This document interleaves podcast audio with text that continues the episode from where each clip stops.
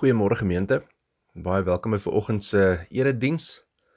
Dit was nou so amper of ons was dan alweer by mekaar gewees soos laas Sondag. En hoe lekker was dit eintlik nie gewees om net mekaar weer te kon sien nie.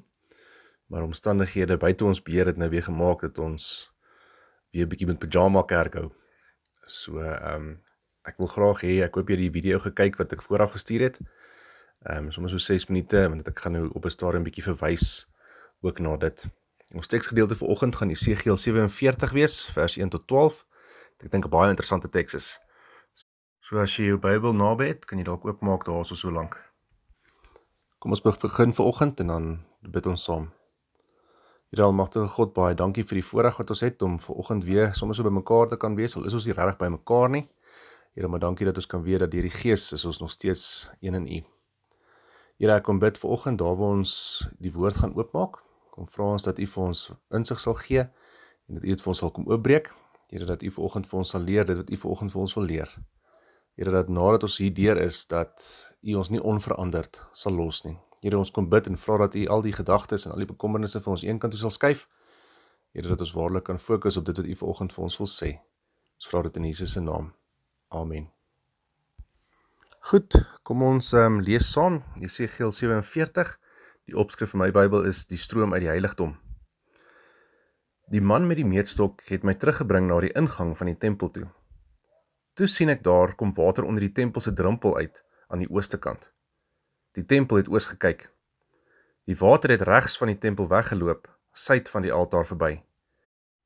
Die man vat my toe by die noordpoort uit en om na die buitenste oospoort toe. Daar syfer die water toe regs langs die poort uit. Die man het oos gestap en met die maatlyn wat hy by hom gehad het, 500 meter afgemeet van die oospoort af. Toe laat hy my deur die water loop. Dit was enkel diep. Hy het nog 500 meter afgemeet en my weer deur die water laat loop.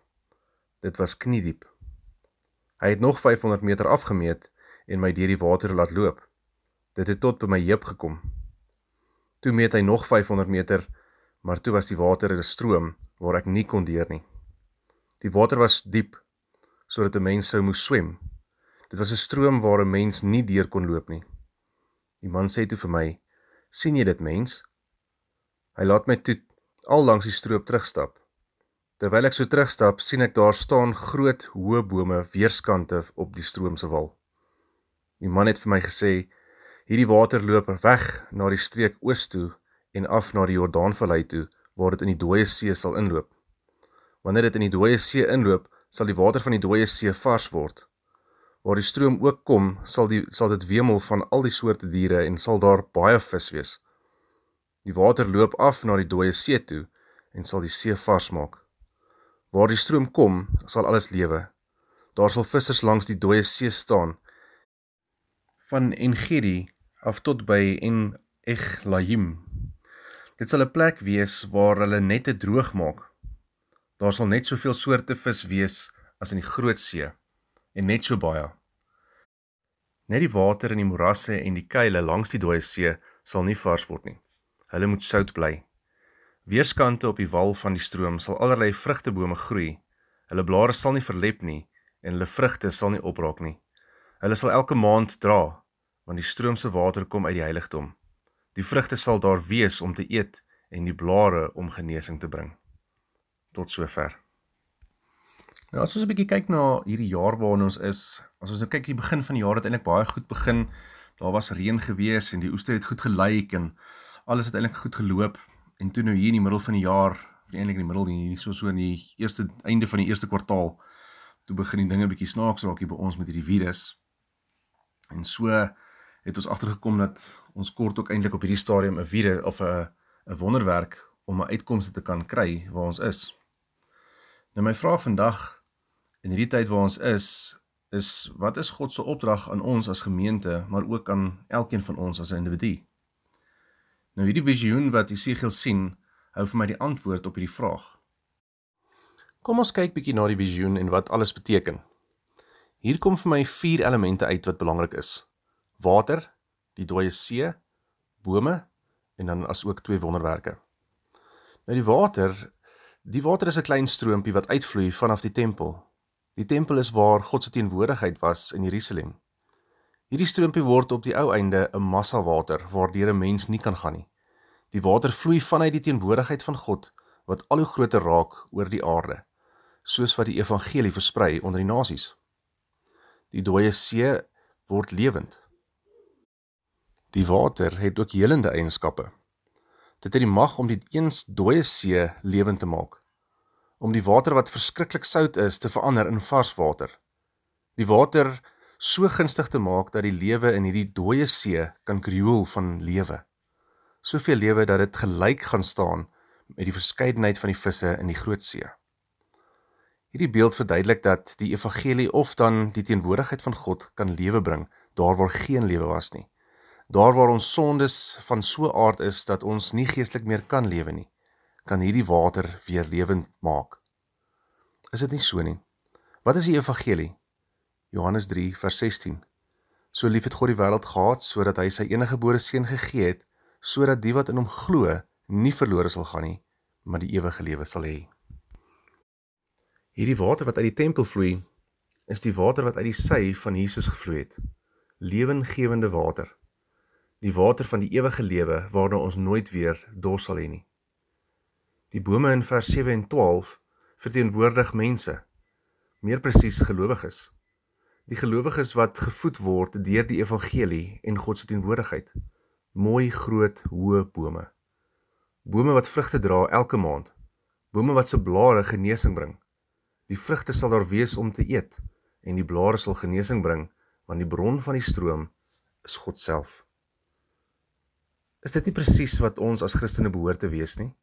Gelowiges wat vrug dra sodat ons die wêreld kan voed, sodat ons God sal verheerlik deur ons gehoorsaamheid. Mense wat genesing bring waar ook al ons gaan.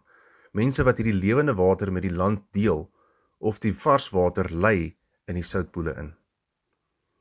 Dan kyk ons vinnig na die twee wonderwerke hoe die evangelie lewe bring, die stroom wat al hoe groter en dieper word. En dan hoe die bome heeltyd vrug dra en die blare wat kan genees. So dit is die twee wonderwerke wat ons hier raak sien. Nou ek het begin om te vra wat is ons opdrag as gemeente en individu in hierdie jaar? As ons kyk na ons teks, is die eerste deel van ons opdrag om die evangelie te verkondig. Is ons eerste opdrag om die koninkryk van God met almal te deel. Dit wil sê dat ons mense moet help om God te beleef. Want dit is net hy wat weer lewe kan bring waar dit eens dood was. Dit is net die Here wat weer vir ons moed en hoop kan gee. Wanneer ons kyk na ons omstandighede, die skoolse situasies, die droogte ensovoorts, daar is baie sout wat oral omgaan op hierdie stadium. Sout in hierdie teks is natuurlik 'n negatiewe ding. Iets wat maak dat daar nie lewe kan wees nie. As ons kyk na al die boodskappe wat deesdae die rondte doen van plaasmoorde en alles wat verkeerd gaan eintlik in ons in ons lewe is dit baie negatief nê. Nee. baie van hierdie sout. Is baie dinge wat wat maak dit ons eintlik wil doodgaan in die binnekant. Wat wat ons maak dit ons gees sukkel om te leef. Nou ons kort hierdie vars water wat uit die tempel stroom. En as ons net eers begin sal ons dieselfde wonderwerk sien wat Jesegiel gesien het. Hoe die vars water net meer en meer sal raak. Ons tweede opdrag is om disippels van Christus te wees wat vrug dra tot eer van God ten bate van almal om ons. Kom ons kyk wat sê Galasiërs 5 vers 22 tot 23. Die vrug van die Gees daarteenoor is liefde, vreugde, vrede, geduld, vriendelikheid, goedhartigheid, getrouheid, nederigheid en selfbeheersing. Teen sulke dinge het die wet niks nie. Ons is veronderstel om heling te bring waar ook al ons gaan. Ons moet vars water deel met die wêreld En dit gaan baie keer beteken dat ons onsself die minste moet wees in 'n situasie. So ons moet die evangelie versprei en ons moet vrug dra tot eer van die Here. Nou dit klink altyd so moeilik. Hoe doen mense dit? Ek is nie 'n goeie spreker nie. Ek ken nie altyd my Bybel so goed nie. Dalk is ek skaam. So hoe gaan ek hierdie opdragte wat die Here vir ons gee uitvoer? Nou dit is wat my bring by die video wat ek vanoggend vir julle geshare het, die lollipop moment sommer iets kleins wat 'n mens doen, sommer net 'n bietjie omgee, 'n bietjie liefde wat mens deel met iemand kan eintlik 'n groot verskil doen. So as jy nog nie die video gekyk het nie, pos sommer nou en dan gaan kyk jy dadelik die video wat daai ou sê. Dis sommer so 5-6 minute. So dis baie die moeite werd. En dit is wat dit beteken. Dit beteken nie mens moet altyd jy moet die predikant wees of jy moet hierdie sendeling gaan wees daar ver en jy moet hierdie groot goeders doen vir die arme mense en en en nie. Dis klein goedjies, hierdie klein goedjies van liefde uitleef wat 'n groot verskil jou ouene gemaak. So gaan kyk daai video as jy hom nog nie gekyk het nie. Daai lollipop moment. En ek dink die lewe is vol van sulke geleenthede waar mense 'n lollipop moment sal kan hê. En dit is waaroor dit gaan. Nou kom ons kyk bietjie na die geestelike diepte ook waarna die teks verwys, nê. Nee. Nou interessant, Esegiel is nie toegelaat om net na die stroom te kyk nie. Hy moes self bietjie daardeur gaan.